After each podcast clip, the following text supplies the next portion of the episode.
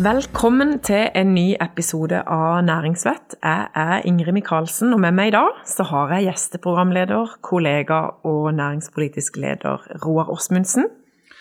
Takk for å være tilbake igjen. Det er hyggelig av deg med. Dette er den aller siste innspillinga vår i 2020. Og da trenger vi å løfte blikket litt og snakke om hvordan dette året har påvirka oss og påvirker oss som mennesker, som ansatte og som ledere. Og det, det kan du hjelpe oss med, psykolog og partner i bedrift- og personalpsykologi, og gjest i dagens episode, Ann Irén Drivdal. Velkommen. Tusen takk skal du ha. Det var veldig hyggelig å bli invitert. Fint, Ann Irén. I dag skal vi som sagt få litt perspektiver inn på det menneskelige også eh, etter dette pandemiåret. For vi snakker i eh, næringsforeninger og i næringsliv for øvrig mye om regnskapstall, og hvordan bedriftene og bedriftenes økonomi vil klare seg gjennom dette året. Men hva da med virksomhetenes aller viktigste ressurs, de ansatte? Ann Irén, hva har dette året gjort med oss? Ja, Det tror ikke vi vet helt svaret på enda, for det, vi er jo ikke over epidemien enda. Men vi har jo hatt nedstenging nå i to perioder. Og noen har jo blitt arbeidsledige som følge av dette. Noen har kanskje fått problemer etter dette, og noen har kanskje hatt en oppsving pga. dette. Så vi har jo Der er jo utrolig mange ulike konsekvenser. Jeg tenker litt på det med å leve med usikkerhet. Eh, blant annet så snakker jeg med mye næringslivsledere. Hvis man tar i noen, særlig de mest utsatte bransjene, f.eks. restaurant, og overnatting, hotell osv., så, så, så lever de med rammebetingelser som gjerne kan bli endra fra den ene dagen til den andre. Der de tror de har en forretningsmodell som nå virker, og så plutselig så får de ikke lov til å drive sånn heller. Mm. Den slitasjen, hva gjør det med en, eh, med en menneske? Jeg tenker jo først og fremst at det kan være en veldig stressende situasjon å være i for mange ledere. For du, kan, du planlegger så godt du overhodet kan. Eh, og så er ikke det sikkert at den planen kan settes ut i livet. Du tror du har alt på G, og plutselig så må du endre om på alt. Og det kan være utrolig stressende. Og jeg tror mange ledere føler sterkt på ansvaret for de ansatte.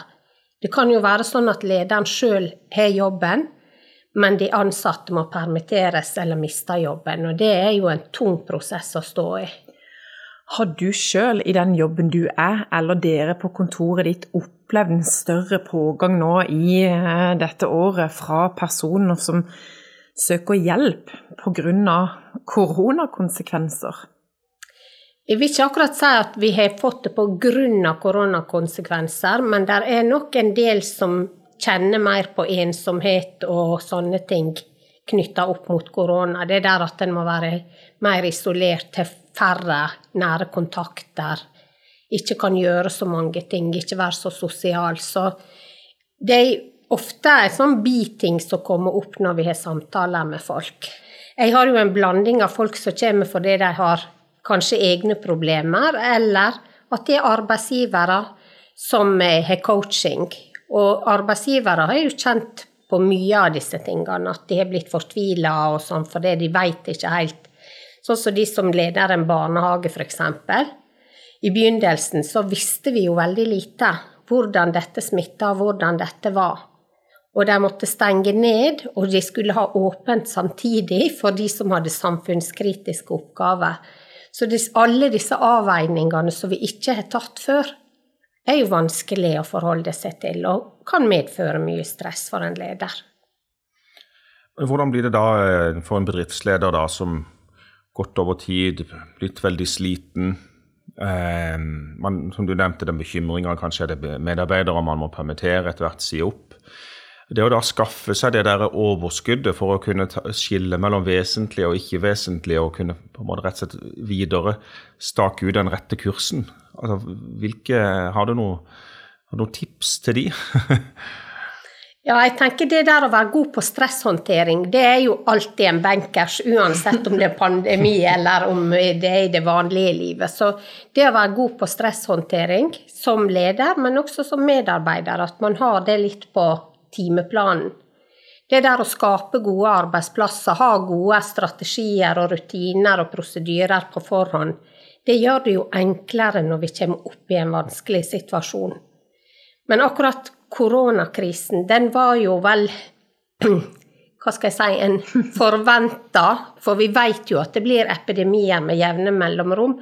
Men ingen hadde vel sett for seg at det kom til å bli sånn som dette, med det stresset over så lang tid. At det er så mye usikkerhet. At vi, vi har ikke fått følgene, tenker jeg, av dette ennå.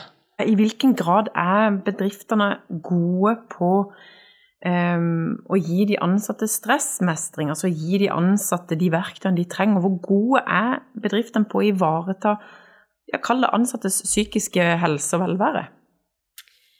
Ja, det er veldig forskjellig. Noen er utrolig gode på det og er bevisst på det og planlegger for det og passer på. Jeg kjenner ledere som er veldig flinke og sier til folk at nå ser jeg du har jobba altfor mye i en periode, nå syns jeg du skal koble litt av til ledere som er så stressa sjøl at de ikke ser omtrent hvor stressa de ansatte er. Og følelser smitter fortere enn influensa. Og det der når folk rundt oss er veldig stressa, så smitter det over på andre. Så nok en gang så har vi begge ytterkantene, og sikkert mest på midten, da, at folk er sånn passe flinke. Alle prøver jo å finne sine mekanismer. Mm. Men tror du at det vil kunne komme flere etterdønninger av korona, altså på nyår. At det, eh, nå jobber man på til, til det står 31.12. Mm. på kalenderen, og så bang, kommer januar, og så får du sykemeldinger i bøtter og spann. Altså, det, kan, man, kan man forvente en sånn effekt også? Man man kan jo kanskje tenke at det kan bli, komme noe i kjølvannet, kanskje spesielt av de som har mye høy vaktbelastning og sånne ting, og som har stått veldig på at de kan kanskje få det. Men en kan like gjerne oppleve det motsatte, at vi blir redd for å miste jobbene, sånn at vi, sånn at vi sykemelder ikke oss i første omgang. Fordi at vi passer på at jeg er iallfall viktig på jobben min, jeg må være til stede. Så jeg tenker du kan oppleve litt begge deler. Men noen Jeg har jo snakka med grupper da som eh, i en ledergruppe jeg nettopp var inne i. Så var det jo det der at den første taklinga av koronakrisen hadde jo egentlig sveisa laget veldig godt sammen. De fikk en enorm motivasjon av det det der å jobbe på lag. Ingen visste noe mer enn noen andre, og alle sammen måtte brette opp ermene og jobbe sammen. Så det kan jo slå positivt ut også. Ja, for det du sa nå, la jeg merke til, i runde én, mm. var da når runde to kom? Var det like høy lag og moral da? Jeg tenker Hos noen er det det, mens noen kan jo bli litt slitne. sant? Du bretta opp ermene én gang, og så skal vi til igjen. Mm -hmm. Og kanskje, forhåpentligvis, så er vi ferdige utpå nyåret en eller annen gang. Men vi veit jo ikke helt hvordan det blir enda. Sånn at en må holde alle mulighetene åpne og være flinke enda. Så det der, når vi kan begynne å åpne opp igjen og gjøre ting sammen, så er jo det en veldig god ting. Eh, være fysisk aktiv er jo en veldig god ting i forhold til stress. Så ta vare på seg sjøl.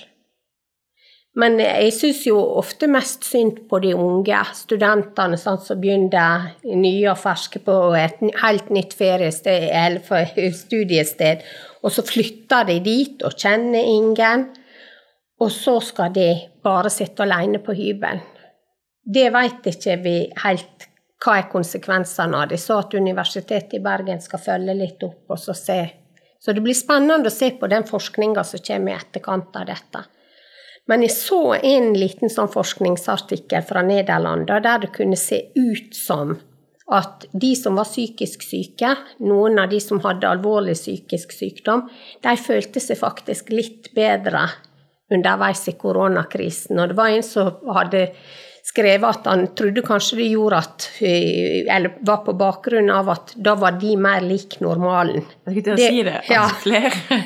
flere isolerte, sant. Ja, og flere som ikke skal møte andre ja. mennesker. og ja.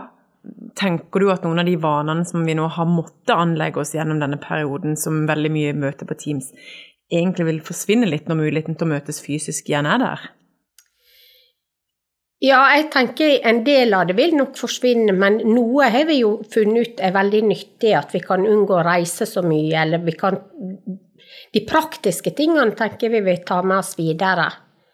Men jeg tror det der med å møte folk fysisk, det blir aldri gammeldags. Vi trenger, vi har behov for det, vi mennesker, å møte hverandre fysisk. Så det tror jeg også kommer til å være til stede. Men det er jo bra å ha to verktøy i verktøykassa si, da. At en både kan møtes digitalt, men også ansikt til ansikt. Og jeg tror de fleste gleder seg til å komme tilbake dit, da. Ja, for hjem, Hjemmekontoret er vel et sånn et tvega sverd, har den her sagt, hvis vi skal begynne å oppsummere litt. At det, det, er, eh, det er en utfordring for noen. Har du en negativ vane fra før av, så kan du enklere leve med den i skjul mm. når du er hjemme. Eh, mens for andre så har kanskje den løst litt av den vanskelige tidsklemma i eh, work-life-balansen. At de slipper tid frem og tilbake til jobb og kan kanskje flytte en time til kvelden når ungene har lagt seg. altså så det er liksom et verktøy som har både det ene og den andre mm. sida. Og jeg har snakka med folk som, som, sier begge deler. Jeg har snakka med folk som sier at eh, de som er introverte, de har jo fått en helt super arbeidsdag. For det, nå kan de på en måte fokusere og konsentrere seg. Så jeg snakker med folk som er helt utslitt av å sitte på Teams-møte hele dagen. For jeg tenker vi er litt sånn digitalt umodne ennå. Vi setter opp eh, kant i kant på sånne møter, for nå trenger du jo ikke tid til forflytning lenger. Så nå kan vi jo bare slutte ett og begynne minuttet etterpå på et annet. Men det er ikke lurt? Det er ikke lurt. Nei, det er ikke lurt. Vi trenger, Hjernen vår trenger noen små pauser, så det er lurt å planlegge for akkurat det. Men, det, det, er interessant du sier, for jeg husker da vi gikk etter første nedstengning over til å begynne å ha fysiske møter igjen, så var det noen som ble helt fortvila når de hørte det var fysisk, for nå var de blitt vant med å kunne fylle dagen helt tett opp en ja. møte. Men da er vi jo verken forberedt eller og ikke tid til å bearbeide. Det er jo ingenting som har tid til. Nei, og det, det som sagt er ikke så lurt. Det er lurt å ha små pauser innimellom. Vi må jo faktisk på do også. Så det er jo lurt å sette av litt tid til til sånne ting. Og ikke minst, som du sier, det å bearbeide den informasjonen man har. Men det er mange ting med det med hjemmekontor. Noen elsker det jo og har godt lagt til rette for det i heimen sin. Hvis du har tre unger og har åpen løsning med stue og kjøkken, og alle skal ha hjemmeskole og kontor, så har vi jo sett løsninger der folk sitter på do med PC-en for å få gjort det. Så jeg tenker vi har, de fleste av oss har jo ikke bygd for å ha hjemmekontor. Nei, eller for oss ekstroverte så er det ganske kjedelig. Ja. Jeg merker at det er veldig flat energi etter mye, mye hjemmekontor. Ja. Men, men, etter sånne kriser, um, er det flere som bytter jobb? Man snakker jo mye om skilsmisser eller nye mm. Men i jobbsammenheng, er det, er det noe vi vil kunne se mer av òg? Jeg er litt usikker, for her får vi jo faktisk en krise der mange blir nødt til å skifte jobb. Så hvor mye ledige jobber der blir fremover, det er jo en ting å ta med seg også. Men det kan jo hende at noe av dette får folk til å begynne å tenke over eller vurdere. Vil jeg skifte jobb? Er det dette jeg vil jobbe med? Ja, og grunnen til at jeg spør litt om nå, er jo fordi at man, man ser noen konsekvenser som går på våre livsvalg òg, da, mm. eh, i dette året her. Så om det òg kan være med å påvirke at man tar en fot i bakken og ser ok, hva slags liv vil jeg ha, hva slags jobb vil jeg ha. Mm.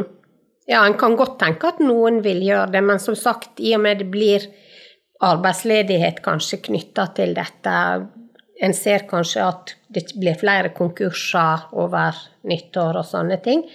Sånn at jeg tenker, jeg vil heller tro at de fleste vil prøve å holde på jobbene sine, holde på tryggheten og sikkerheten. Mm. Og for de som har eh, juleferie nå rett rundt hjørnet og får etterlengta tid til å bare koble helt ut. Hva er ditt råd til de? Det er jo veldig mange av oss det gjelder. Mm. Nei, det må være å kose seg mest mulig. Gjøre hyggelige ting sammen med de man kan være sammen med. Ta vare på hverandre. Det tror jeg er det beste rådet. Ta vare på hverandre. Det er et godt råd. Mm. Tusen takk, Ann Irén Drivdal, for at du kom til oss og delte litt uh, fra ditt fagfelt. Det har vært veldig nyttig å høre på. Så må du ha god jul. I like måte, og tusen takk for at jeg fikk komme.